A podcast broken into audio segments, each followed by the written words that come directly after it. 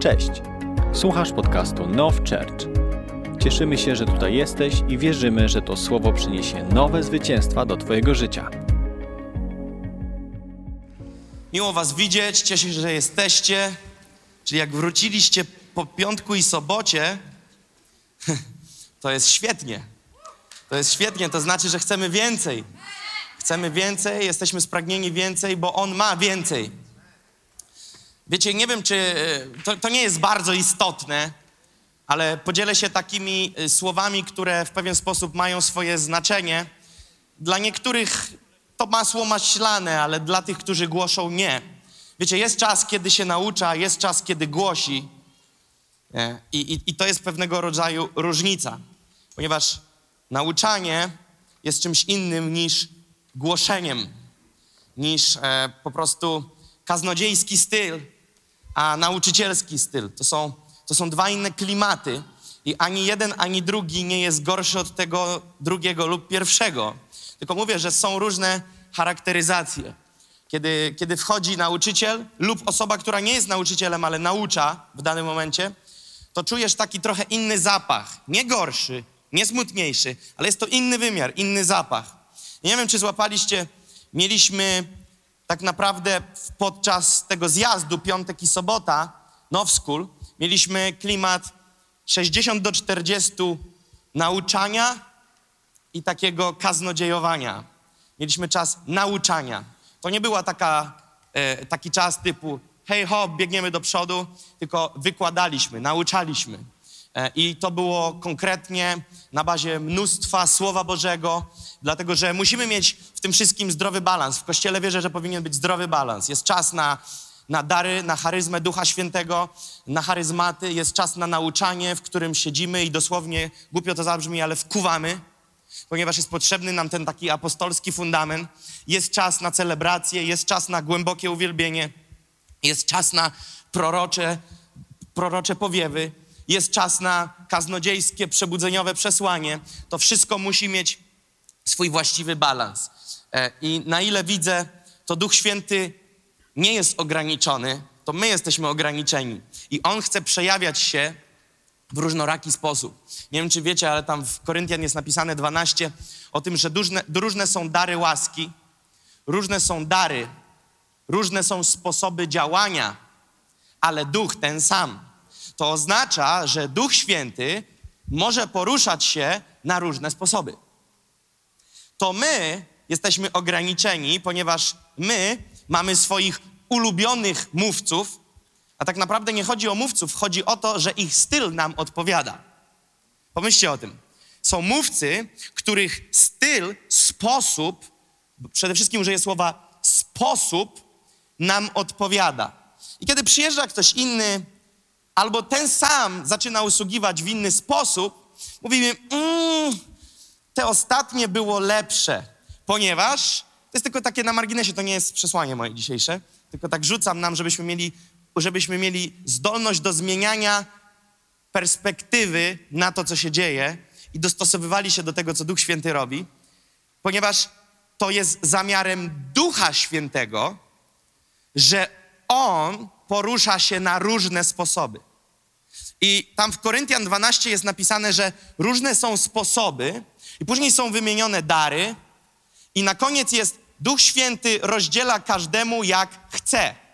Czyli można by rzec, nie rozbebłając tego tematu za mocno i nie robiąc z niego zamieszania, można by było powiedzieć, i myślę, że to jest biblijny wniosek, że to Duch Święty decyduje, w jaki sposób będzie usługiwał Marcin, a w jaki sposób będzie usługiwał pastor Dawid, w jaki sposób będzie usługiwać Waleria, w jaki sposób będę usługiwał ja.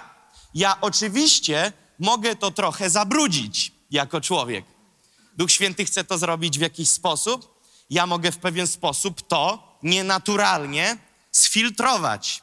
Ale to Duch Święty jest autorem różnorodności w sposobie usługiwania w kościele. W ogóle tego nie przygotowałem, tak jakoś wszedłem i mi to wyleciało. Więc chcę, żebyście, że jeszcze dodam drugą część tej myśli. Ona jest taka. W takim przypadku, kiedy przychodzimy i stajemy się tymi, którzy słuchają, którzy pobierają, wtedy my powinniśmy rozumieć, że sposób i styl, jeśli jest to namaszczone, to powinniśmy to, czy nam się to podoba, czy nie, zapakować do jednej z czterech kieszonek, ponieważ to Duch Święty dany sposób aranżuje. Pomyślcie o tym. Biblia mówi, różne są sposoby, różne działania, lecz duch ten sam. Co my ludzie lubimy robić? My lubimy popatrzeć na sposób i powiedzieć: O, to, to jest Duch Święty, to już nie. To już na pewno nie, to na pewno tak. Ale przepraszam, kimże ty i ja jesteśmy, żeby powiedzieć, co Duch Święty może, uważaj, w swoim kościele, a co nie może. To nie jest, to, to, to jest jego kościół. To jest, on jest bosem. To tak jakby trochę sąsiad przyszedł do mojego mieszkania i powiedział mi, że ja mam chodzić w kapciach, a nie na skarpetach. Ja powiedziałem, stary, ty nie masz tutaj za wiele do gadania, ale my jesteśmy w tym samym budynku i mi się nie podoba, że ja wiem, że ty chodzisz w kapciach, a powinieneś chodzić na skarpetach. Ja mówię, stary, ja jestem bosem w tym mieszkaniu, nie ty. I w tym mieszkaniu bosem jest Duch Święty. I my lubimy czasami, ja teraz nie piję do żadnego mówcy, ja generalnie daję taki wniosek na przyszłe lata naszego życia, kiedy będziemy jeździć po konferencjach, kiedy będziemy słuchać różnych ludzi, czy to w internecie, czy na żywo. Weź pod uwagę, że być może powodem, dla którego coś ci się nie podoba, jest coś, co pochodzi od Ducha Świętego. Ponieważ ty masz swój ulubiony sposób, który ci się podoba, ale to, że on ci się podoba, to nie znaczy, że jest jedyny. Ponieważ jeszcze raz, różne są sposoby, Biblia mówi, różne działania. Jednak duch ten sam i on rozdaje każdemu, komu jak chce. Więc to jest niesamowite. Więc dzisiaj będzie troszeczkę inaczej niż na Now School, ponieważ dzisiaj dzisiaj będzie preaching. Dzisiaj będzie takie głoszenie, a głoszenie, które chcę z wami po prostu, robię to zawsze, ale dziś tak nadzwyczaj chcę wylać przed wami swoje serce. I swoje to nie znaczy ja, Jakub Kamiński, bo was to nie powinno obchodzić, tylko to, co się dzieje w moim sercu, w moim takim funkcjonowaniu z Duchem Świętym. I nie będę wam opowiadał o moich doświadczeniach, bo, nie, bo one też nie są celem samym w sobie, ale czuję, że to jest to, ponieważ wczoraj, kiedy skończyło się Now School, e, ja mówię, Duchu Święty, ja, ja chcę wiedzieć, co, co jutro, jak to do tego podejść. I wróciłem do mieszkania i byłem tak zaorany po tych dwóch dniach, że ledwo, ledwo mogłem po prostu siedzieć. Miałem problem z siedzeniem naprawdę miałem. Pro... Wczoraj wydarzył się cud, ponieważ pierwszy raz od dosłownie niepamiętnych czasów, ja nie pamiętam kiedy to było, zasnąłem przed północą. To jest pierwszy raz od niepamiętnych czasów, ja umarłem przed północą. I przed tym, zanim umarłem, powiedziałem Duchu Świętym, czy chcesz, żebym jeszcze dzisiaj się podłączył i żeby odebrać to, co na jutro, czy nie? Ja czuję, jak Duch Święty mówi, chłopie, spać. Więc ja poszedłem spać, nastawiłem sobie budzik dziś na rano. Dzisiaj rano też tak się budzę z tym od razu pierwsze co? Co dziś? Duchu Święty, jestem gotowy już, zanim jeszcze wyjdę z łoża dowodzenia. Powiedz mi, co dziś jestem tak podekscytowany, to jest ten dzień. I wtedy, wtedy w tym, w tym wyrażeniu znalazłem esencję na dziś. Czy to jest ten dzień? Czy to jest ten dzień? Ponieważ w historii Kościoła na mapie czasu są pozaznaczane pewne dni. W historii nowotestamentowego Kościoła, nie chcę mówić o temacie przed przyjściem Jezusa Chrystusa, chcę mówić o Nowym Testamencie. Na osi czasu nowotestamentowego Kościoła są zaznaczone na większe kółeczko niż inne dni pewne dni. Pewne dni są w kalendarzu mocno, i mówię o przeszłych dniach, nie przyszłych. Przyszłe też, ale na razie mówię o przeszłych. Pewne dni, wiecie, w, pewne, w historii naszego kraju, pewne dni miały wpływ na historię i przyszłość naszego kraju i stały się dniami narodowymi, wolnymi od pracy. Czasami te dni się, się zmieniają, dodają nowe dni. Dzień tego i tamtego. Od 2010 roku, jeżeli dobrze mnie pamięć nie myli, przepraszam, jestem słaby w tych datach, od kwietnia 2010 chyba mamy nowy Dzień Narodowy, katastrofa smoleńska. No i to, to, to jakiś tam jest e, dzień, który od 2010 roku został zaznaczony w historii naszego kraju. I na osi czasu Kościoła są pewne dni, które były dniami historycznymi.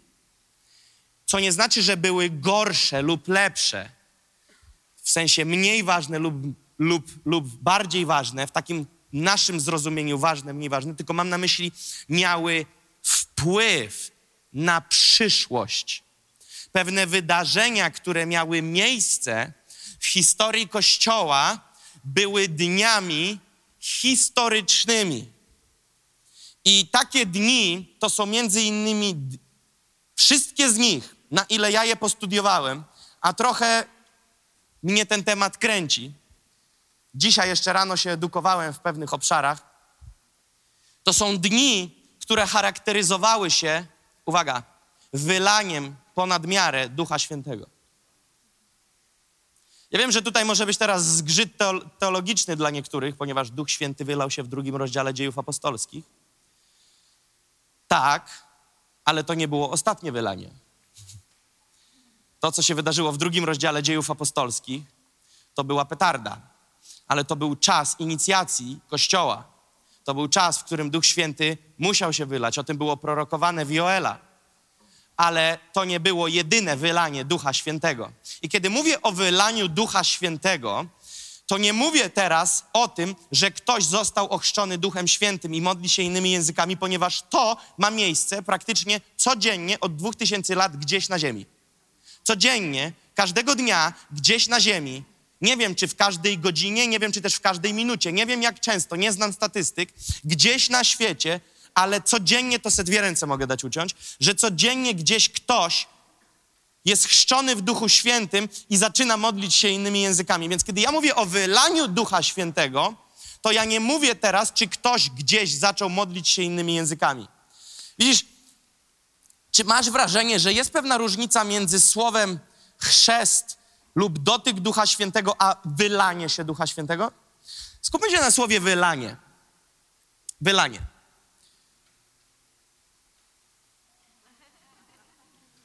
Nie zrobię tego. Ale rozumiecie, wyobraźcie sobie, że to zrobiłem. Nie panujesz nad tym. To się rozlewa. To zajmuje obszar.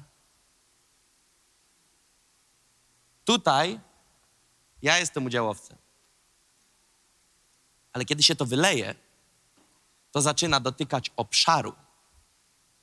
Wylanie Ducha Świętego w historii Kościoła było powiązane z obszarem. Obszar doświadczał czegoś niezwykłego.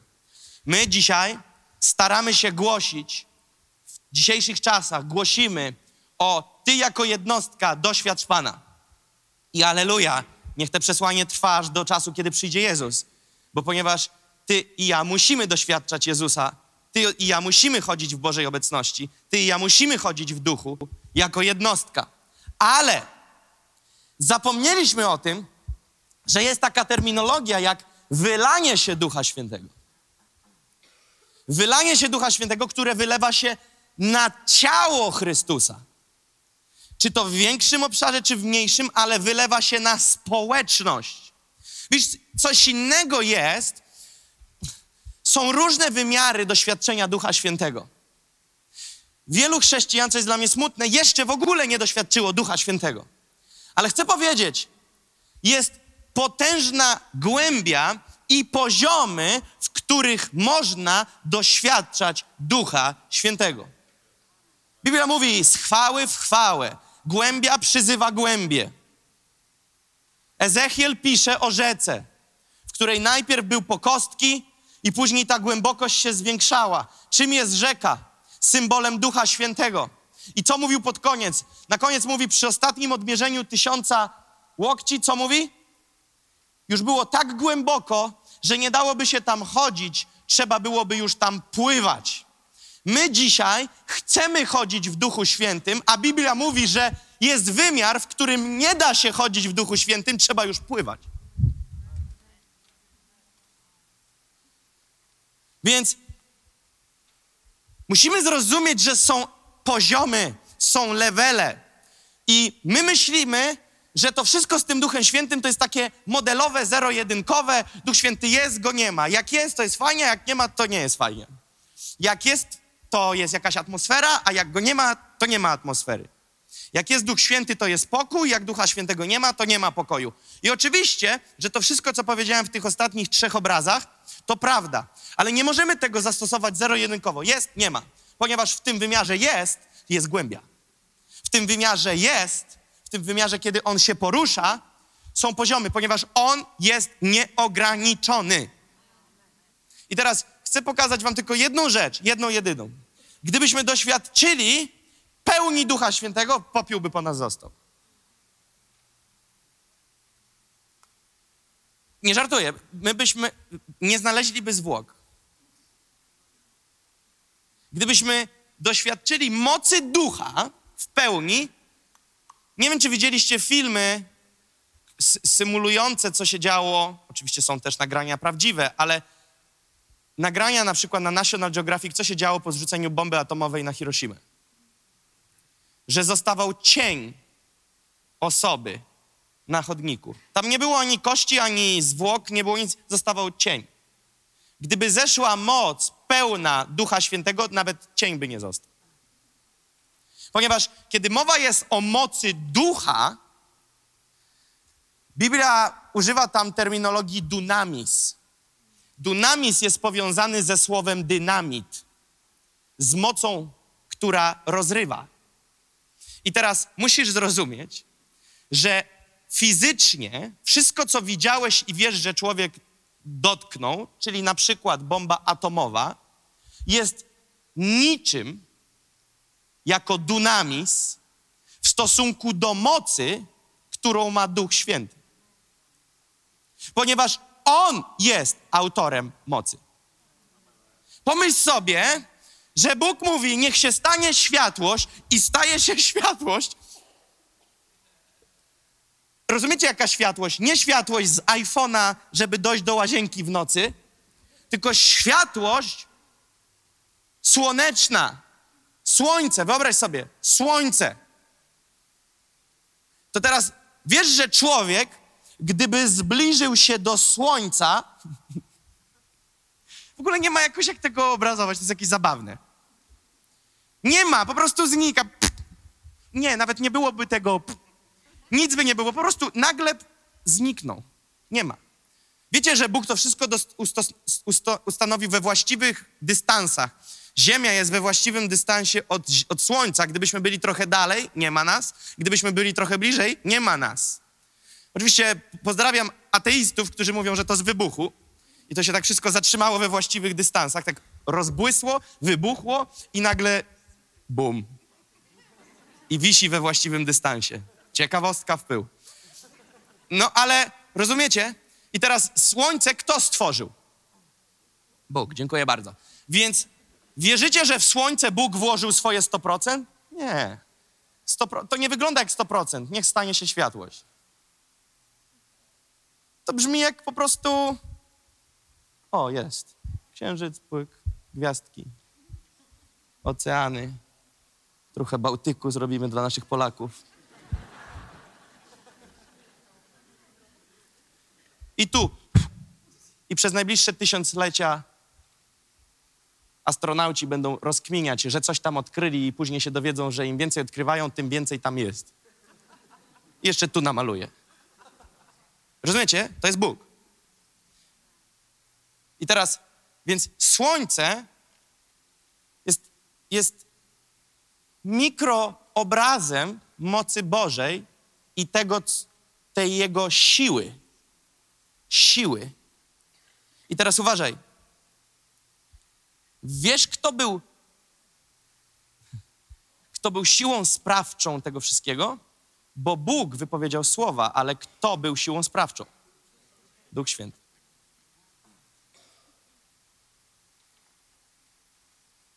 Duch Święty. I teraz ten Duch Święty, my mówimy. Teraz, co my w ogóle o nim myślimy i co o nim mówimy? Może to jakiś gołąbek? No, gołąbki mają dużo mocy, widzę. Nie, to nie jest gołąbek. To jest niesamowita osoba, która jest także mocą Bożą. I teraz ten Duch Święty, on chce się manifestować tutaj pomiędzy nami. Chce się wylewać pomiędzy nami.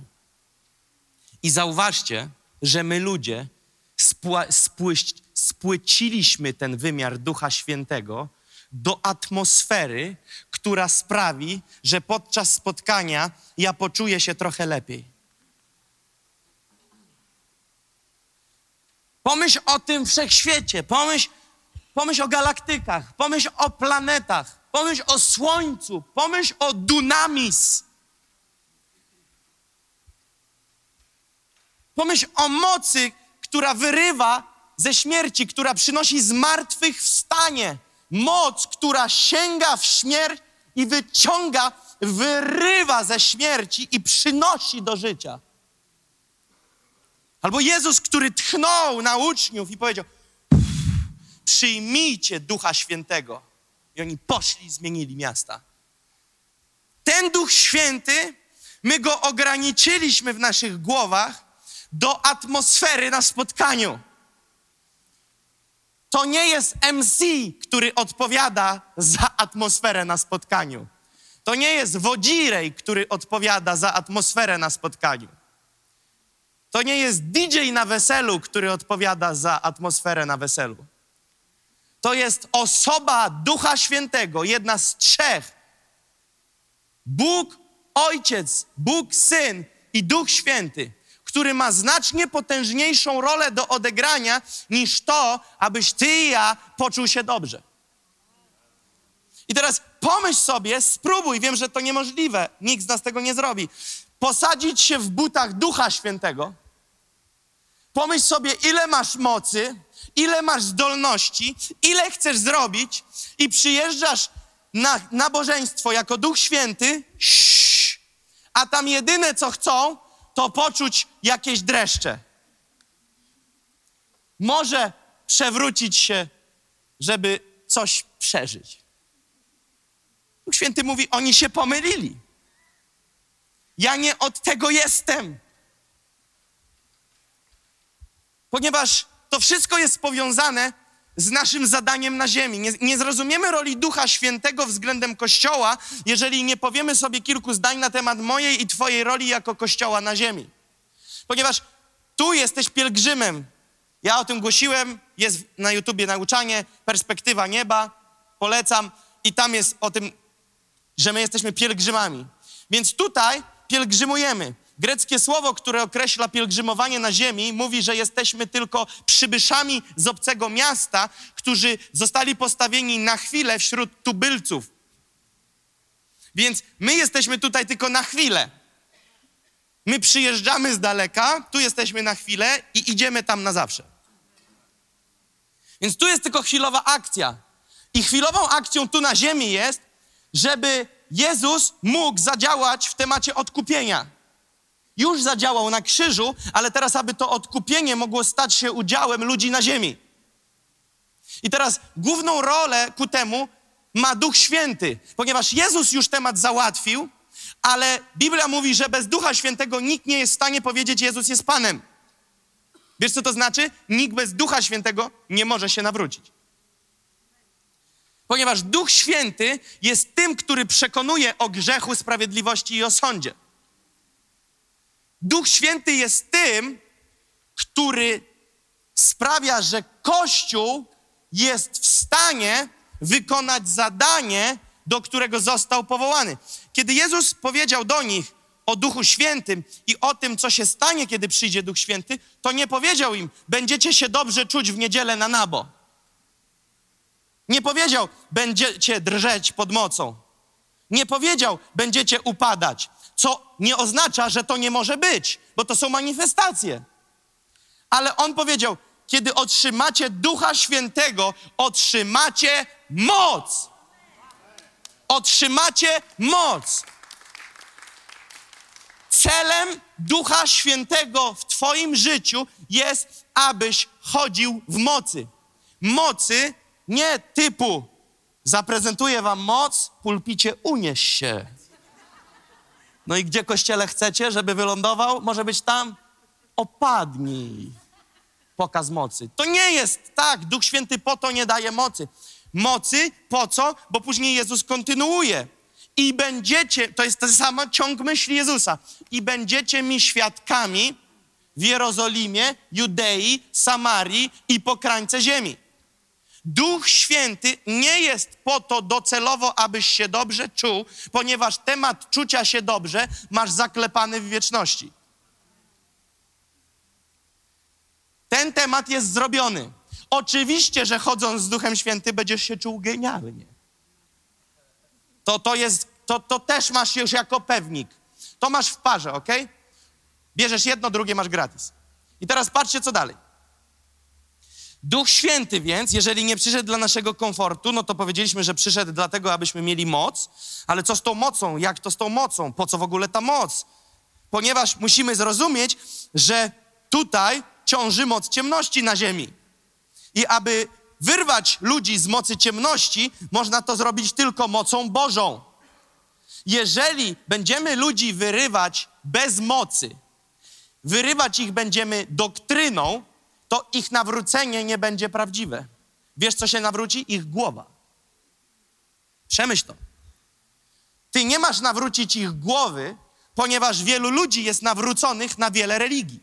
Znam ludzi, którzy mi opowiadali, byłem muzułmaninem, później się przestawiłem na hindusa, na tego jak buddystę, później się przestawiłem na katolika, ale później w sumie ten, ten, ten e, buddyzm jest fajniejszy, więc wróciłem do buddyzmu.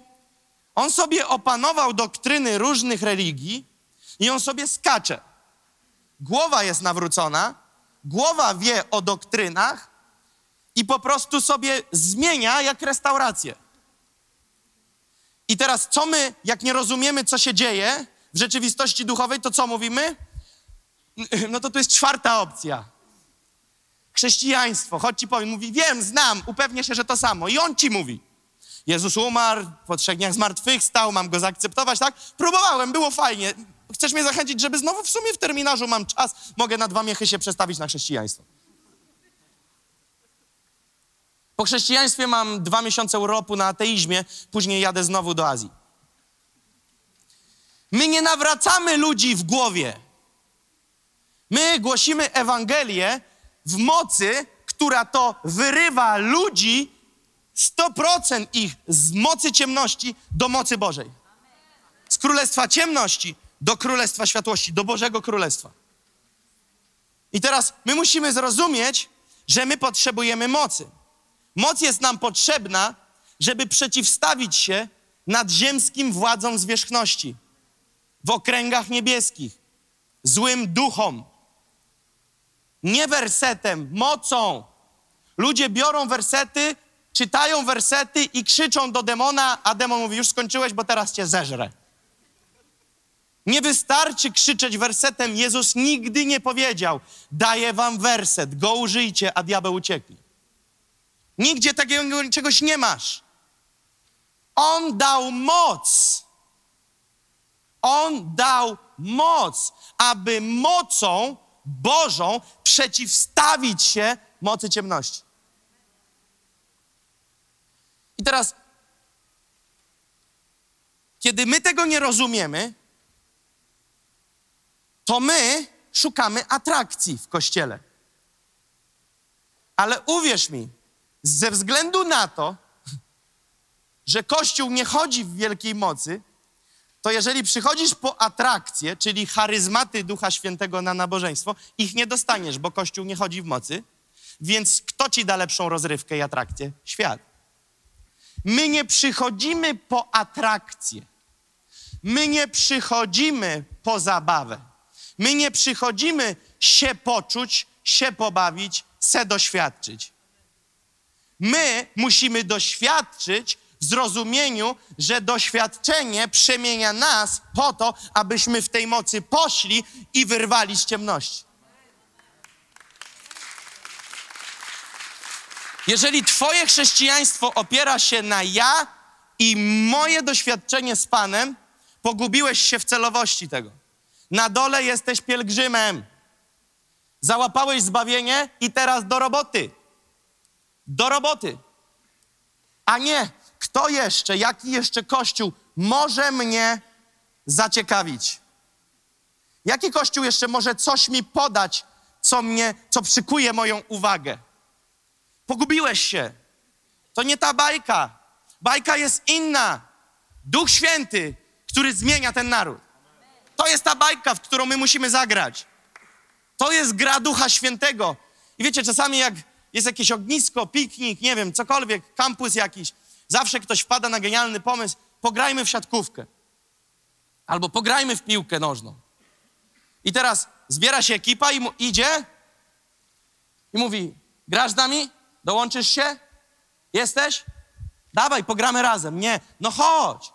I co się robi na pikniku? Jedna strona olimpijczyków je kiełbasę, a druga gra w jakąś tam koszykówkę lub piłkę nożną. I teraz Duch Święty rozgrywa swój mecz w naszym narodzie. Duch Święty rozgrywa swoją grę. Grę zaplanowaną od wieków. Grę wyrywania ludzi z ciemności. I wiesz, co on mówi do kościoła? Hej, kościele, to nie jest zaproszenie dla chętnych. Ty, kiedy jesteś kościołem, wchodzisz na boisko. To nie ma tak, że ty dołączyłeś do drużyny, ale ja nie gram, ja tylko na kiełbaskę. Kiedy wchodzisz do drużyny Bożej, musisz zrozumieć, że grasz w grze, którą gra Boża drużyna. I tą grą Bożej drużyny nie jest przychodzenie na nabożeństwo. Tą grą jest owszem uczestniczenie na nabożeństwie, w którym jesteś wyposażany, w którym żyjesz w stylu, w którym chcesz się uświęcać, chcesz umartwiać ciało duchową rzeczywistością, chcesz poznawać go więcej, chcesz napełniać się nim więcej, chcesz się marynować nim więcej. Po co? Aby wychodząc na mecz, do którego jesteś powołany, rozegrać ten mecz w taki sposób, żeby wygrać ten pojedynek. My trenowaliśmy pięć razy dziennie Szóstego dnia było tylko taktyczne lub wolne i siódmego był mecz. Całe twoje życie było ustanowione pod 90 minut. Mało tego, ci, którzy nie grali 90, bo nie wiem, czy wiecie, drużyna profesjonalna ma około 30 zawodników w kadrze. Drużyna składa się profesjonalna z około plus minus 30 zawodników. Ale na mecz możesz zgłosić do tak zwanego formularza tylko 18. Więc na treningu trener z 30 wybiera 18. 18 bierze na mecz, a 22 siedzi na trybunie. Tych, 12, tych 18 jest tak zwanej kadrze meczowej, ale tylko 11 gra. Siedmiu siedzi na ławce rezerwowych. Ale uwaga, przepisy mówią, że nie można zmienić siedmiu. Teraz chyba jest czterech, tak? Ja nie wiem, już kilka. Czterech? Czterech możesz zmienić. Więc nawet jak jesteś z tych 30, 18 i siedzisz na ławce, to jeszcze i tak nie wiesz, czy zagrasz. Więc teraz uwaga, po kilku dniach funkcjonowania w drużynie, mając kontrakt na dwa lata w przód, trzy lata w przód, ty już wiesz, że jesteś tą ostatnią dwunastką. I teraz uwaga, ta ostatnia dwunastka jest dla drużyny tak samo ważna dla trenera, jak i jedenastka, która gra. Wiesz dlaczego? Dlaczego 30 w drużynie? Skoro gra 11, czterech na wymianę. Dobrze wiemy, że niektórzy z tych 30 nigdy nie zagrają. Wiecie, że są ludzie, którzy nigdy nie grają, a są zawsze w drużynie. I później się z nimi jeszcze raz kontrakt przedłuża. A oni znowu nie grają i wiedzą, że grać nie będą i klub wie, że oni nie zagrają ale się ich kontraktuje. Dlaczego? Ponieważ ta trzydziestka na treningu tworzy grunt rywalizacji i jest koniem, zapalnikiem, lokomotywą, koniem zaprzęgowym dla tych jedenastu, że tamci depczą im po piętach i jeżeli ty poluzujesz, to drugi wchodzi na twoje miejsce. Więc mieliśmy po trzech na jedną pozycję. Pamiętam, jak miałem po treningu kumpla, tak już w kościele ma nie być. Teraz to powiem. Po treningu masz kumpla, ale na boisku on jest twoim na treningu prawie wrogiem. Ponieważ jeżeli on nie ma kontuzji, to on gra. Rozumiecie? Teraz jak ty nie grasz, to masz mniej pieniędzy. Więc tam jest ekstremalna rywalizacja nie pomiędzy drużynami, w drużynie. Dlaczego? Ponieważ oni rozumieją, co się dzieje. Więc teraz pomyśl sobie, co się dzieje w głowie zawodnika numer 28, 29 i 30. Że wie, że nie zagra. I teraz uważaj. Kiedy wychodzi na trening, to polityka trenera jest taka w głowie, i każdy, kto w piłkę grał, wie, że tak naprawdę to ten 28, 9 i 30 ma zasuwać jeszcze bardziej na treningu niż ten pierwszy, drugi i trzeci. Ponieważ jeżeli się opuścisz, nie jesteś motywacją dla innych i cię wyrotują na innych. Zerwą z tobą kontrakt, biorą następnego. Więc jesteś 28, 9, 30 i harujesz po to, żeby nigdy nie zagrać, ale zostać. Dlaczego? I teraz uwaga. Najzabawniejsze jest, co dla nas się w głowie nie mieści, że kiedy tych 12 odstrzelonych, niedocenionych, siedzi na trybunie, nawet nie na ławce rezerwowych ze swoimi, i ich drużyna, ich koledzy strzelają bramkę, oni na trybunie świętują bardziej niż kibice. Wiesz dlaczego? Bo to jest ich drużyna, bo to on wygrał. Rozumiecie o co chodzi? I teraz posłuchaj. Cały Kościół, całe ciało Jezusa Chrystusa jest właśnie taką 30-osobową drużyną. I teraz naszym celem jest, że drużyna wygra. W piłce nożnej, żeby wygrać, trzeba strzelić bramkę. W kościele, aby Kościół wygrał, musi zagarnąć żniwo.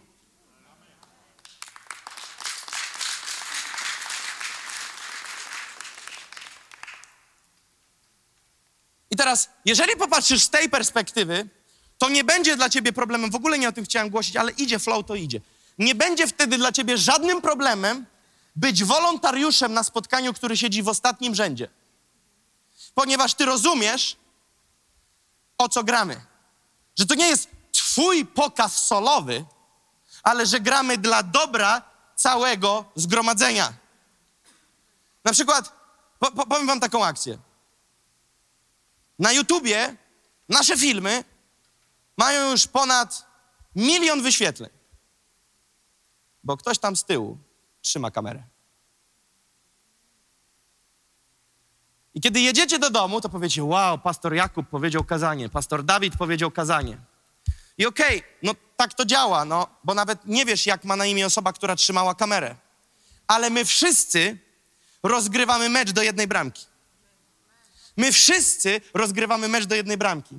Dlatego wczoraj na Now School, i teraz to powtarzam, zachęcam was, 21 maja przyjedź na Ergo Arenę, kiedy robimy ewangelizację.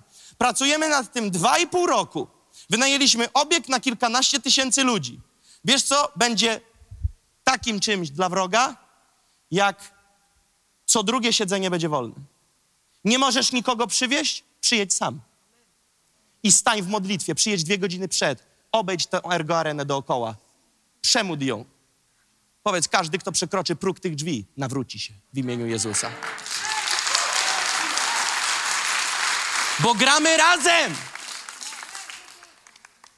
Pamiętam, zapraszam pewnych ludzi na ewangelizację, przyjdź.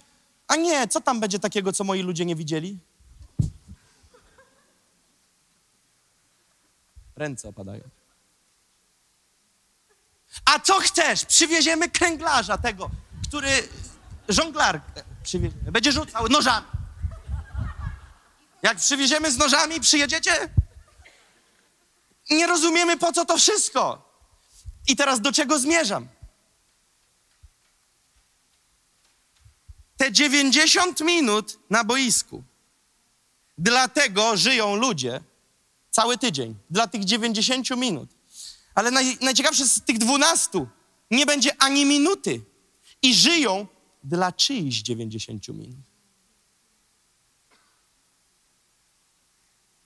Szok. Wiecie, z czym mi się kojarzy ta dwunastka? Z grupą modlitwy wstawienniczej.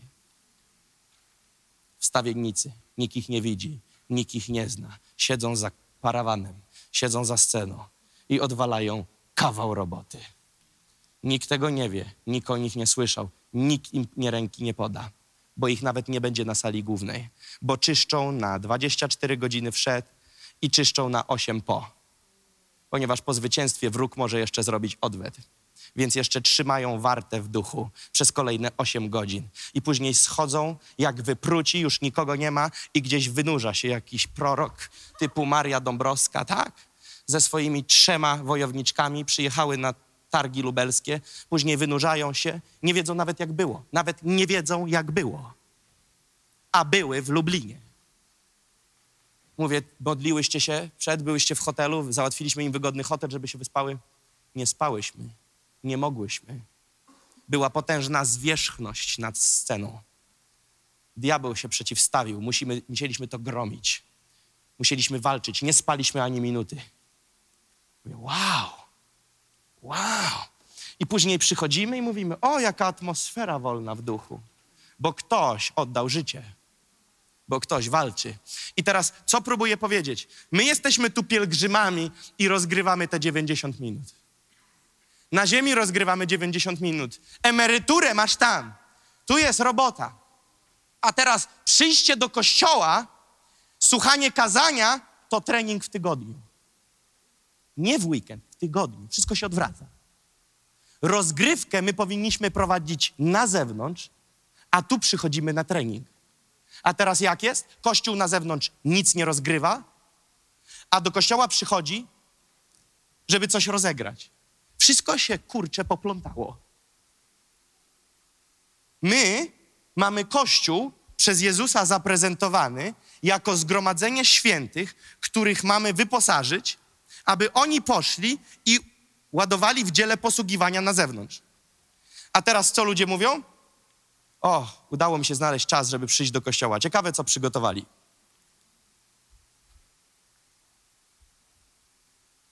To nie ma prawa działać, bo złamaliśmy główne założenie.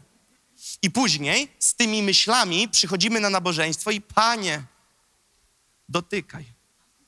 A on mówi, a po co? Po co ci dunamis? Tak, żeby się dwa razy wyrotować. W tył. Jeszcze dwa nie zrobiłem, miałem pojedynczy. Teraz dwa bym chciał. Albo trzy w lewo, dwa w prawo. Albo za mało ręka drży ostatnio, podkręć. Po co ci to? To w ogóle nie jest po to.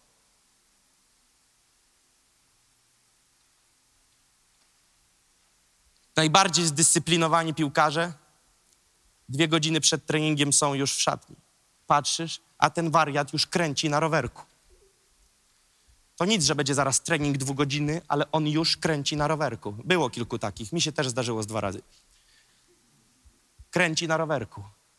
Ty mówisz, to jest niemożliwe. Później patrzysz, rozkłada matę, rozkłada taki do masowania ro, ro, rolkę taką i kurczę robi jakieś ćwiczenie zmasowujące, później izometrię jakąś. Ja mówię, chłopie. I ja dostanę wypłatę i ty. Ale tam jest inny mental ponieważ wiesz, gdzie na najwyższym poziomie rozgrywa się o to, kto wygra? Ostatnie pięć minut. Kto już nie daje rady i wtedy jest gwóźdź do trumny z drużyny przeciwnej. Bum. Ale my byśmy chcieli, żeby Kościół to był taki sernik team. Taki zespół sernika i śmietany. Przyjść, się pocieszyć, pozbijać piątki ze znajomymi, pośpiewać fajne piosenki. Najlepiej, gdyby był formularz na nationsonfire.org ze zgłaszaniem swoich ulubionych. To nie jest Kościół. I to nie było nigdy celem Kościoła.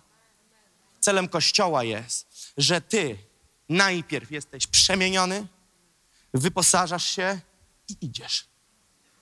I teraz słuchajcie tego. Wyposażanie. Ja, ja, ja dzisiaj jestem z wami jak zwykle szczery, będę to powtarzał, ale dziś tak przekroczę pewne granice.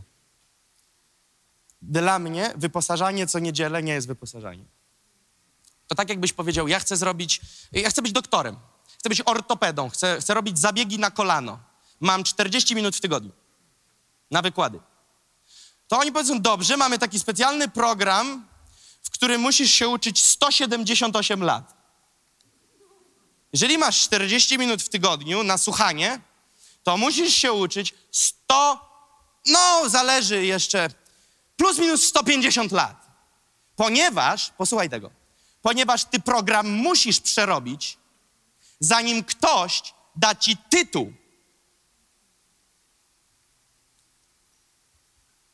I zanim ktoś powie, idź, uśpij człowieka i kroj mu nogę. I teraz my, aby być gotowymi do dzieła posługiwania, musimy się wyposażyć. I teraz, co jest bardziej skomplikowane? Wiem, że ciężkie pytanie.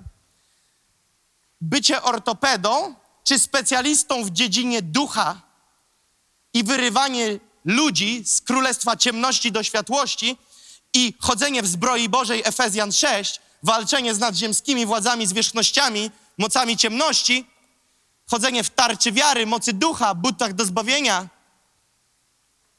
pancerzu sprawiedliwości, pas prawdy. Że, że pas czego? To trzeba wszystko przestudiować.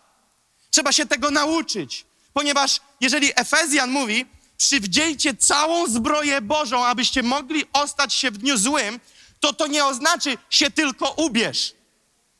Ponieważ ubranie się w miecz i tarczę nie gwarantuje ci zwycięstwa. Ty jeszcze musisz się nauczyć tym machać. Ty jeszcze musisz się nauczyć to wyciągnąć.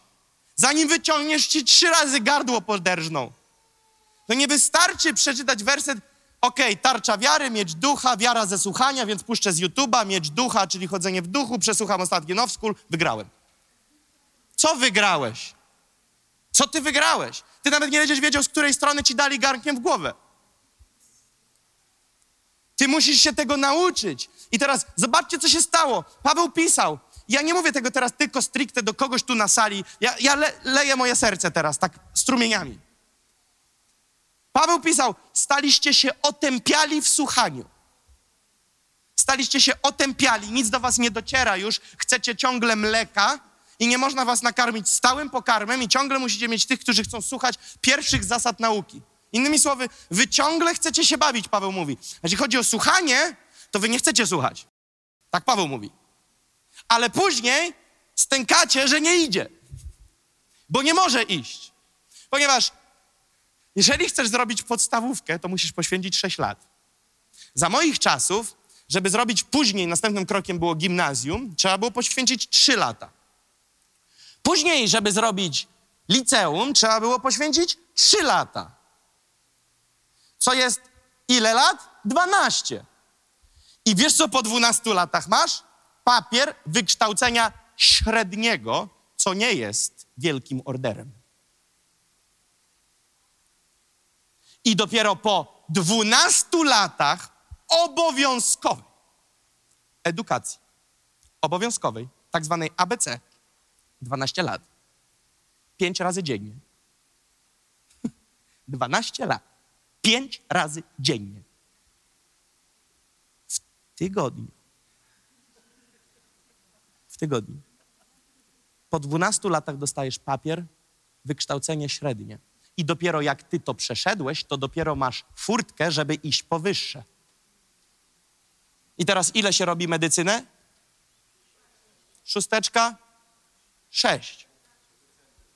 No to już nie idźmy w to. Szósteczka. 12 plus 6 ile? 18.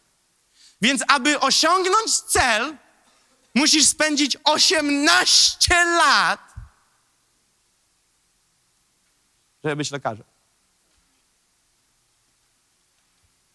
Ale teraz chcemy być bohaterami wiary. Przy trzech pieśniach w niedzielę, 32-minutowym kazaniu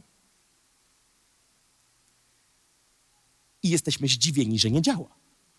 Ale jak to? Przecież słuchałem. I nie działa. Ale pastor mówił, że będzie działać. Drugi mądry.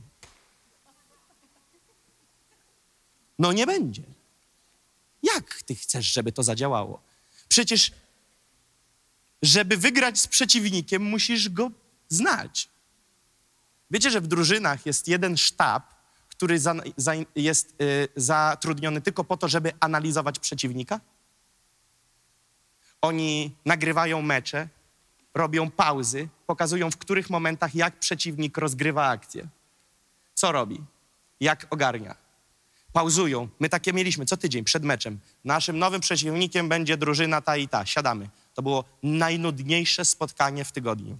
Dwie do trzech godzin. Chłop klikał pilotem i mówi, a teraz zobaczcie, jak siódemka wybiega na krótki słupek, zasłania go dziewiątka, dziesiątka robi drogę, a chłop się wynurza znikąd i ten zawsze bije bramkę, a z rożnego wrzuca zawsze w te pole, które jest wyczyszczone.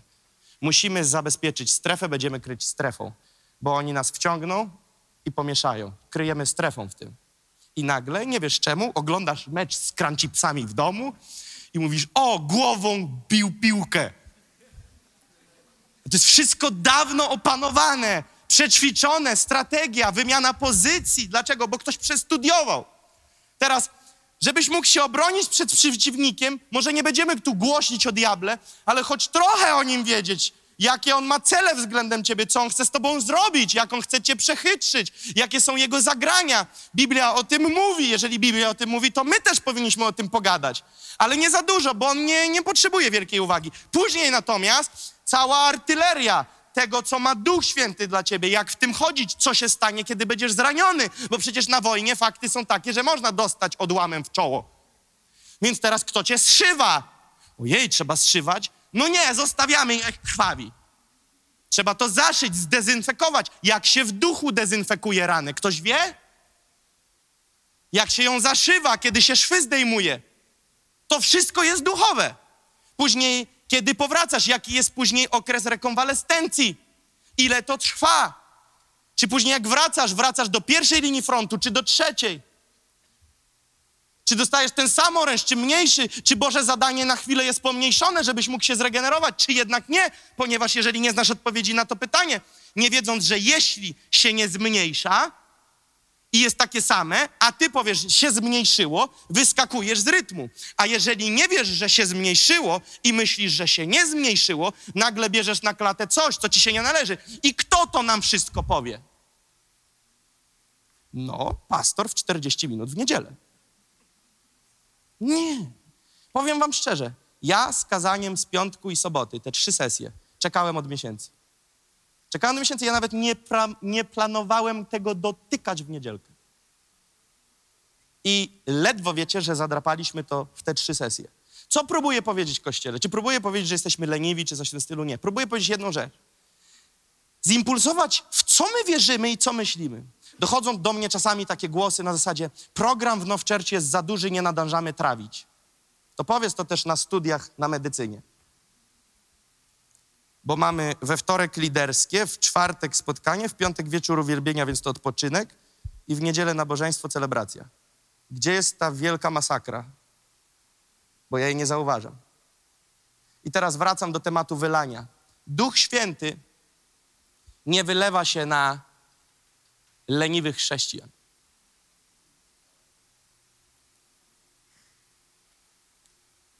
Ponieważ kiedy przychodzi wylanie, następstwem wylania w historii Kościoła było przebudzenie.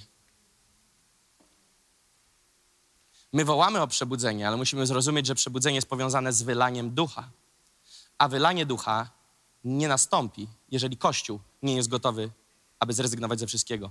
Ponieważ kiedy przychodziło przebudzenie, przebudzenie potrzebuje jakiejś dźwigni, jakiejś grupy ludzi, którzy kiedy przebudzenie wybuchało, muszą to się tym zająć. Zawsze była potrzebna jakaś grupa, która, uwaga, miała na to czas. Miała, brzmi śmiesznie, co? Miała czas na przebudzenie. Ponieważ kiedy studiujesz przebudzenia, to one wyglądają tak. Ciężkie, żmudne, modlitewne oczekiwanie na Pana. Nagle jest bum i po bum tum. I teraz im szybciej się to kończyło, to było to połączone z tym, że nie było ludzi gotowych to pociągnąć. Bo sam wybuch jeszcze wielkiej zmiany nie gwarantuje. Później trzeba to pociągnąć. Jezus był reprezentantem wybuchu. Przyszedł i on, będąc wybuchem, ekspansją Bożego Królestwa, to jest największe przebudzenie w historii ludzkości. Przyjazd Jezusa. I zobaczcie, co on zrobił ze swoim przyjazdem. Od razu pobrał ludzi, mówi 3,5 roku, jedziemy na szkołę. Chodźcie, zjeżdżaj z tej łódki szybko, chodź, chodź, chodź, nie ma czasu, zegartyka, zaczynamy. Trzy i pół roku, dzień, noc, dzień, noc, dzień, noc, dzień, noc, dzień, noc, dzień, noc, dzień, noc, dzień, noc i później mówi, ok, ja wybuch zaprezentowałem, teraz wy go będziecie kontynuować. I poszedł i oni kontynuowali dzieło. My dzisiaj byśmy chcieli wybuchu, ale tak naprawdę jak chcemy wybuchu, to czego chcemy? Żeby było miło na spotkaniu. Nie, ten wybuch sprawi, że tłumy zostaną tu przyciągnięte. Tłumy zostaną przyciągnięte, ponieważ to już nie jest, to już przestaje być możliwe do zrealizowania przeze mnie i przez ciebie. To jest już w pakiecie wylania.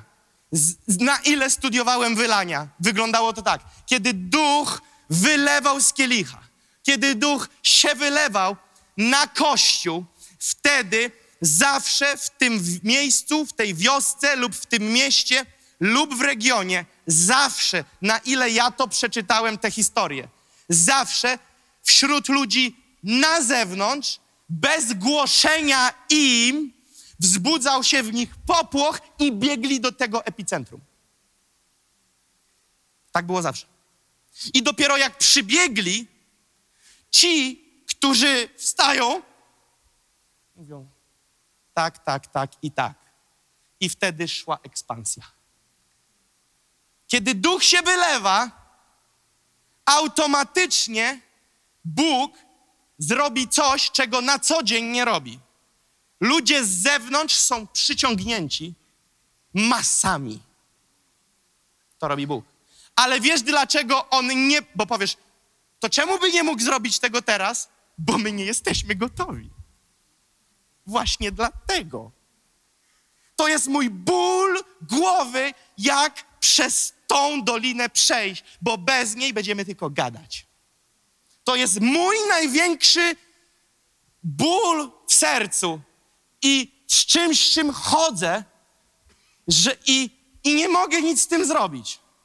Że jeżeli my Nieważne z jakiego miasta jesteś. Ja nie mówię teraz do Nowczercz. Ja mówię oczywiście, że do Nowczercz, bo jest to nabożeństwo w ale wiem, że są tu ludzie, którzy nas słuchają z zewnątrz. Bo ja wierzę, że jak przebudzenie huknie, nie musi huknąć tylko w Nowczercz.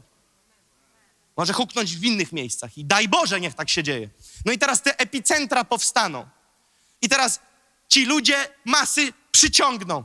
I co? I moje pytanie jest, i co? Co dalej? Pamiętajcie, to będzie miało inną dynamikę. To nie będzie miało dynamiki konferencji, w której miesiącami ludzie wiedzieli, że będzie konfa, się zarejestrowali, wzięli wolne w pracy. Wiecie, co to jest? To jest bieg społeczeństwa. To jest tak, jakby został zburzony mur berliński i wszyscy biegną na drugą stronę. Tak jest, kiedy przychodzi wylanie. Pewien mur zostanie skruszony wylanie kruszy. Jest taki silny napór nurtu ducha, że ten mur bariery jest skruszony, dlatego przybiegają. Ale Bóg nie skruszy tego, ponieważ revival, te przebudzenie, te poruszenie stałoby się zmarnotrawione, zostałoby. Jeżeli my byśmy tego nie dźwignęli. I teraz Ja w to wierzę i nic się nie zmienia, odkąd o tym głoszę, że Bóg właśnie robi tak zwane przesunięcia w kościele. Nie chodzi mi, że ktoś jedzie z jednego kościoła do drugiego, tylko chodzi mi o to, przesuwa pewne rzeczy w duchowej rzeczywistości, przesuwa pewne rzeczy w mentalności, próbuje zmienić myślenie kościoła na temat kościelnictwa, na temat chrześcijaństwa, na temat Ducha Świętego. On próbuje to przesuwać i to robi, bo zabrzmiało z moich ust, jakby nie mógł robi to, bo jest Duchem Świętym i on ma swój kalendarz. I tak jak powiedziałem, zajmijmy się najpierw przeszłymi datami, teraz mówimy o przyszłych, ponieważ w kalendarzu jesteśmy w momentum. To jest teraz. A niektórzy w kościele się zachowują, jakby dalej nie było momentum. Jest teraz momentum. Bóg przesuwa coś i robi coś innego. Ale ci, którzy byli na Now School, wiedzą, o czym teraz mówię. Jeżeli chodzisz tu, nic zupełnie nie zobaczysz, że się coś innego dzieje. Ponieważ na ludzkie oko się jeszcze nic nie zmienia. Oprócz tego, że tylko wspomnę dla tych, którzy są tutaj, a nie byli na Now School. Mówiliśmy, że jeżeli chodzisz w rzeczywistości duchowej, chodzisz w duchu albo chodzisz w ciele. Więc odnoszę się do chodzenia w ciele. Jeżeli chodzisz w ciele i patrzysz tylko fizycznymi oczami, nie jesteś w stanie zaobserwować przeżadnej różnicy. Nic. Nic się nie dzieje. Ale jeżeli chodzisz w duchu, to aż cały kurcze buzujesz, bo widzisz, że się zaczęło. Zaczęło się. Bóg przesuwa, przesuwa, przenosi, zmienia. I wiecie, co jest najgorsze? Że to musi doprowadzić do podziału. Za każdym razem, kiedy przychodziło przebudzenie, już na początku w tego momentu, zawsze dochodziło do ale jak to? Co ty tu zmieniasz, stary? Zawsze była grupa winnych, która postanowiła zrobić coś inaczej. Zawsze. No zawsze. Włącznie z Jezusem. A co ty nam tu porządek burzysz w synagodze? My mamy swój porządek. On mówi, ty, ale zapomniałeś, że ja jestem panem synagogi. ale my mamy swoje nabo. Ale nie, nie, nie, to jest moja synagoga. I teraz Bóg to robi, aranżuje i jest ten momentum. I wiecie, jaka jest akcja? Że Bóg ma nawet scenariusz, że jak my się nie obudzimy, my sobie będziemy na trybunach, nie wygoni nas ze zbawienia. Nie, nie, nie, to żeście nie myśleli o tym. Kamienie zaczną mówić.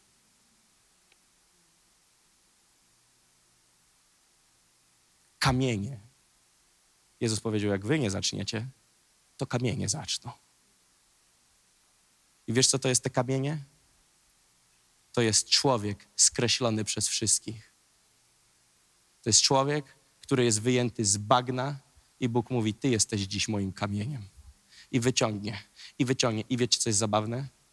On takie kamienie już podnosi, bo Kościół się nie budzi. I bierze ludzi, którzy nic nie umieją, nic nie potrafią, nie mają żadnych zdolności, żadnych talentów, nawet gadać nie umieją. I Bóg mówi: Jest teraz to, o czym mówiłem, czas kamienia. Chodź. I dlatego Jezus już przygotował, mówił, że wybrane jest to, co głupie w oczach świata. On nas przygotowywał, wiesz co? Bo on wiedział, że będzie zawsze grupa tych, którzy będą zatwardzeni, ślepi, ponieważ umiłowali duchowe, cielesne życie, umiłowali doczesne życia i nie chcą w stanie się przełączyć na to. I żyją swoim życiem. I tak jak jest ta przypowieść, w której król zwołał na ucztę, pan zwołał na ucztę, pozwoływał ich na ucztę i mówi: idź, bierz tych wszystkich naszych, pozgarnij ich, ale oni nie mieli czasem przyjść na ucztę. Bo jeden co? Jeden na roli robił. Co to symbolizuje? Moje sprawunie. Mówi, ty jest wesele, jest uczta. A ty gdzie? No ja y, muszę, wiesz, ten, kukurydzę pozrywać w polu. A Jezus, i, I co wtedy jest historia? Co było? Powiedzcie mi, co było. Idź na rogi ulic i pozbieraj wszystkich biednych. Kogo? Kamienie daj mi kamień. Mój plan się, wydo, się, wydo, się wy, odbędzie, bo mój kalendarz jest moim kalendarzem i ja rozdaję karty, Jezus mówi. Mówi, nie pójdą ci, których wszystkich uważali za front, zabiorę z rogów ulic. Pozabieram ludzi, którzy jeszcze wczoraj leżeli w klubie nocnym, a dziś ich wezmę, bo oni są gotowi umrzeć za mnie. Umrzeć za mnie. I to się teraz dzieje. I nie jest za późno, aby do tego dołączyć. Ale moim pragnieniem jest ujrzeć wylanie. Zobaczyć wylanie ducha. Ponieważ bez wylania nic się nie wydarzy. I dziś rano wracam do tego pytania: Panie, czy to jest ten dzień? Wtedy zatrzymałem się na tym dniu i wtedy Duch Święty przeniósł mnie do historii o Azusa Street. Chciałem wam to przeczytać. Spisałem sobie, wziąłem to z kilku różnych źródeł. Pospisywałem to w ciągu chronologicznym, jak to szło. To jest jakiś kosmos. 9 kwietnia 1906 roku. Dom przy 214 Bonnie Bray Street. Trzeci z dziesięciu dni zaplanowanego postu. Wieczór. Kaznodzieja William J. Seymour z kilkoma osobami w domu, w domu, oczekiwali na Pana przy Bonnie Bray Street, gdy nagle, jakby uderzeni piorunem, zostali zrzuceni z krzeseł na podłogę i zaczęli mówić językami, głośno krzycząc i chwaląc Boga. Wśród tych osób w tym domu jest tam także kobieta o imieniu Jenny Evans Moore. Dwa lata później żona Williama Seymoura, która przez potężny wymiar mocy Pana także spada z krzesła, na którym siedziała, jakby porażona piorunem. Leżąc na podłodze, zostaje napełniona Duchem Świętym i leżąc pod mocą, zaczyna śpiewać nową pieśń w innych językach. Nagle Duch Święty porywa ją i prowadzi do pianina, które stoi w pokoju. Jenny siada za pianinem i pod mocą Ducha Świętego gra nową pieśń dla Pana, śpiewając w językach, nigdy wcześniej nie dotykając, nie grając i nie ucząc się grać na pianinie. Do sąsiednich pobliskich domów zaczynają docierać krzyki i śpiewy radości wydobywające się z domu przy 214 Bonnie Bray Street. Wiadomość szybko się rozchodzi. Miasto jest poruszone. Zbierają się tłumy. To się dzieje w godzinach, to są godziny, to nie są miesiące, to się dzieje na godziny, z godziny na godzinę. Zaczęły się pojawiać, wiadomość szybko się rozchodzi, miasto jest poruszone. Zbierają się tłumy, które nie mogły się w żaden sposób zmieścić w domu. Więc ganek stał się sceną, a tłumy zgromadzone wokoło domu, na ulicy, słuchały tego, co głosił William Seymour w mocy ducha przez kolejne non-stop trzy dni i trzy noce. Świadkowie relacjonowali, że podczas uwielbienia w domu zatrząsł się dom, a pod mocą i siłą ganek się rozpadł. Zaczęły pojawiać się tłumy z innych miast, a następnie z całego świata. Informacje rozprzestrzeniły się szybko. Ludzie upadali na ziemię pod mocą Bożą, gdy tylko zbliżali się do miejsca spotkania. Ludzie byli chrzczeni w Duchu Świętym, chorzy zostawali uzdrowieni, a grzesznicy dostępowali zbawienia. Świadectwo tych, którzy uczestniczyli w tym poruszeniu, brzmiało: Jestem zbawiony, jestem uświęcony i jestem napełniony Duchem Świętym. Aby pomieścić tłumy, przenieśli się do starego, zrujnowanego, piętrowego budynku przy ulicy Azusa 312 w przemysłowej części miasta. Budynek ten był wcześniej używany jako stajnia dla koni. Od tego dnia spotkania przy Azusa Street 312 przez kolejne 3,5 roku trwały codziennie, siedem razy w tygodniu, od wczesnych godzin porannych do późnych godzin popołudniowych. Wydarzenia te stały się ikoną przebudzenia XX wieku, które stało się znane na całym świecie. Stanley Frodsham w swojej książce With Things Following cytuje opis tych scen naocznych świadków. Przebudzenie charakteryzowało się duchowymi doświadczeniami, którym towarzyszyły świadectwa o cudach, uzdrowienia fizycznego i mówienia językami.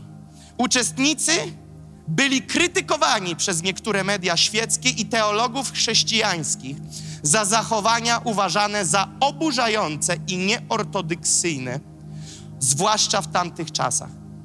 Dzisiaj przebudzenie, które miało miejsce przy Azusa Street 100 lat później, uważane jest przez historyków za główny katalizator rozprzestrzeniania się zielonoświątkowego ruchu w XX wieku. Czy my myślimy, że jak to się zacznie, to będzie normalnie? I wiecie co jest? Całe niebo mówi, że Bóg te przesunięcia teraz aranżuje. Aranżuje grupę ludzi, którzy są gotowi szturmować niebo, ponieważ widzą, że tylko takie życie ma sens.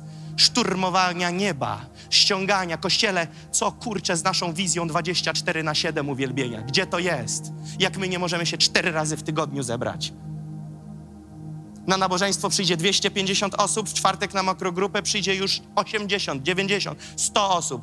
W czwartek mieliśmy gościa, pastor Wojtek Walaszczyk, znany w całej Polsce, 97 osób na makrogrupie, a my mówimy, że my chcemy mieć 24 na 7.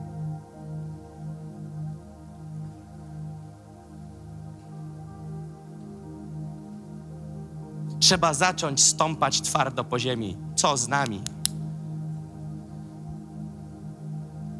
Bo ja ześwirowałem na tym punkcie, powiem wam.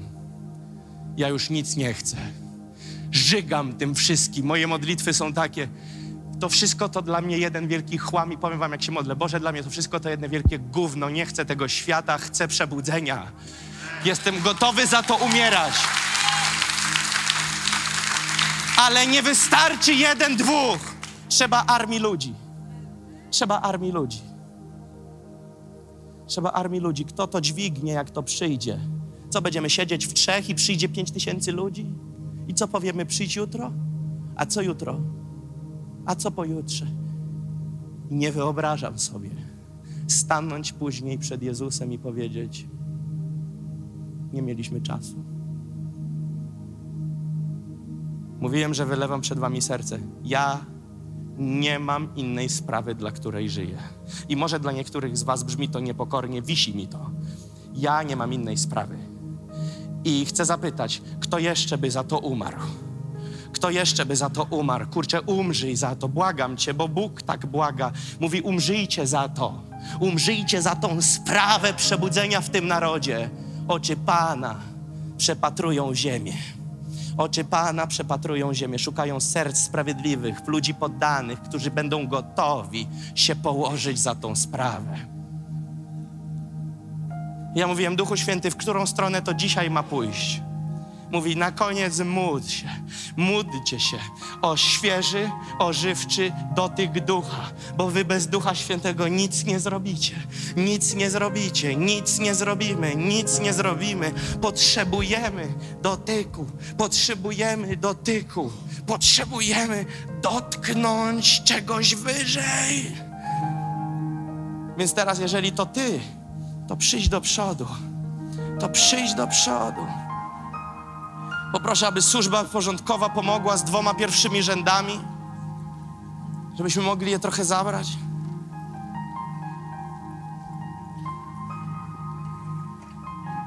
Ja już nie mogę używać miłych takich kulturalnych słów, jak do was o tym temacie mówię, bo mnie rozrywa. Ja już nie daję rady mówić, kochany Kościółku, zapragnijmy Pana Boga, bo tak się gada od stuleci i nie działa. My musimy coś w końcu zmienić. My musimy w końcu się obudzić. Obudzić się, zrozumieć, to jest wojna. To się dzieje. To się teraz dzieje. Naokoło nas ludzie umierają. A my czekamy, aż oni się zmienią. Nie. To oni czekają, aż my się objawimy. Całe stworzenie z tęsknotą oczekuje, wypatruje objawienia się synów Bożych. Oczekuje objawienia się synów Bożych. Widzę, że jest więcej osób. Czy możemy kolejne rzędy spróbować? Słuchajcie, nie czekajmy tylko na służbę porządkową. Pomóżcie im. Jakoś może krzesło na krzesło, nie wiem, albo cokolwiek, żeby wszyscy mogli wyjść do przodu.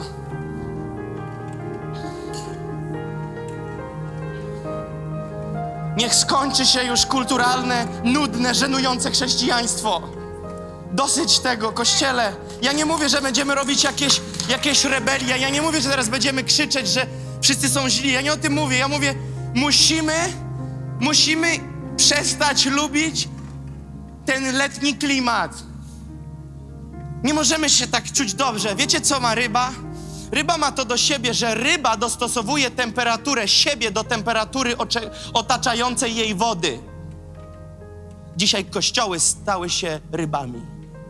Członkowie kościołów stały się rybami, dostosowały się do otaczającej temperatury, letniości. Ale my nie mamy być rybami, które dostosują się do tego, co tam jest. Moje serce jest mega uradowane, kiedy widzę młodego człowieka obok starszej kobiety. Dwa pokolenia przepaści. Dwa pokolenia przepaści. A my musimy stanąć razem. My musimy stanąć razem. To jest piękny obraz. To jest piękny obraz, bo do tego przebudzenia potrzeba od najstarszych do najmłodszych. Tam za ścianą jest szkółka, kilkadziesiąt dzieci. Ty myślisz, że co, że oni się bawią piłkami? Tak, muszą w niektórym wieku bawić się piłkami, ale przemycamy im ile można. Mój syn przychodzi ostatnio do domu, wyciąga papierową tarczę, papierowy miecz i mówi: Mam tarczę wiary i miecz ducha.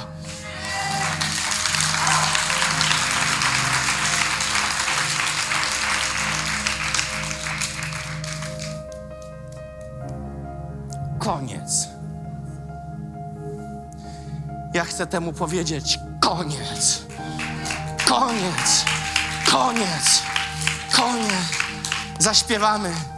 Duchu Święty, przyjdź, nasze mury zbóż. Będziemy wołać, bo nic innego nam już nie zostało. Już nam nic nie zostało. Jak już wołanie nam się skończyło, to już jest po nas. Zostało nam wołanie, kościele. Tak wypuszczaliśmy te perły, wypuszczaliśmy perły, wypuszczaliśmy perły. Zostało ostatnie wołanie. Jak już wołanie zatracimy. Biblia mówi o sercu, które, które może się zatwardzić. Dziś w kościołach powstały ludzie, grupy ludzi, którzy nawet jak duch się porusza, oni już nie mogą czuć. Oni już nie czują, stali się kamienia, skamieniali. Wiesz dlaczego? Bo miesiącami, latami zacierali tą wrażliwość. Zacierali, zacierali, ignorowali, stawali się coraz twardsi, glina schła i schła i pewnego dnia stwardnieli do tego stopnia, że już nic nie czują. To jest koszmar, który nawet nie chce myśleć, co by było, gdyby był. To jest jakiś koszmar.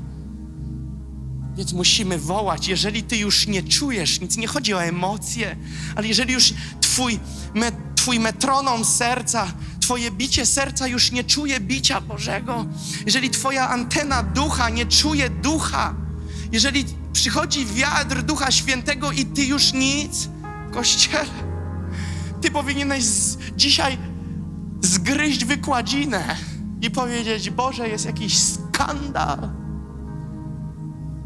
Gdzie ja jestem, Boże? Obudź mnie, obudź mnie, Panie,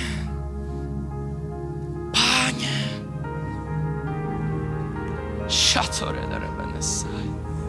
Zaśpiewajmy tą pieśń. Duchu Święty, potrzebujemy Ciebie. Potrzebujemy Ciebie,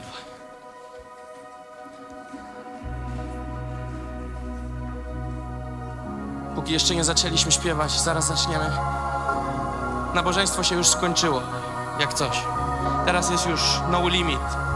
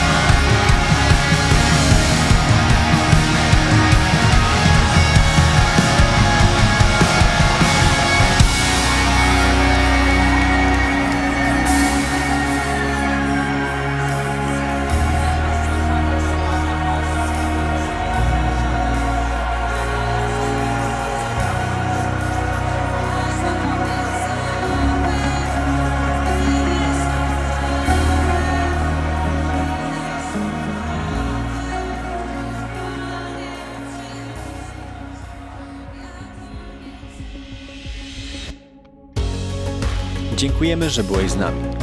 Jeśli chcesz dowiedzieć się więcej o naszych działaniach lub nas wesprzeć, zapraszamy Cię na www.nationsonfire.org ukośnik nowchurch.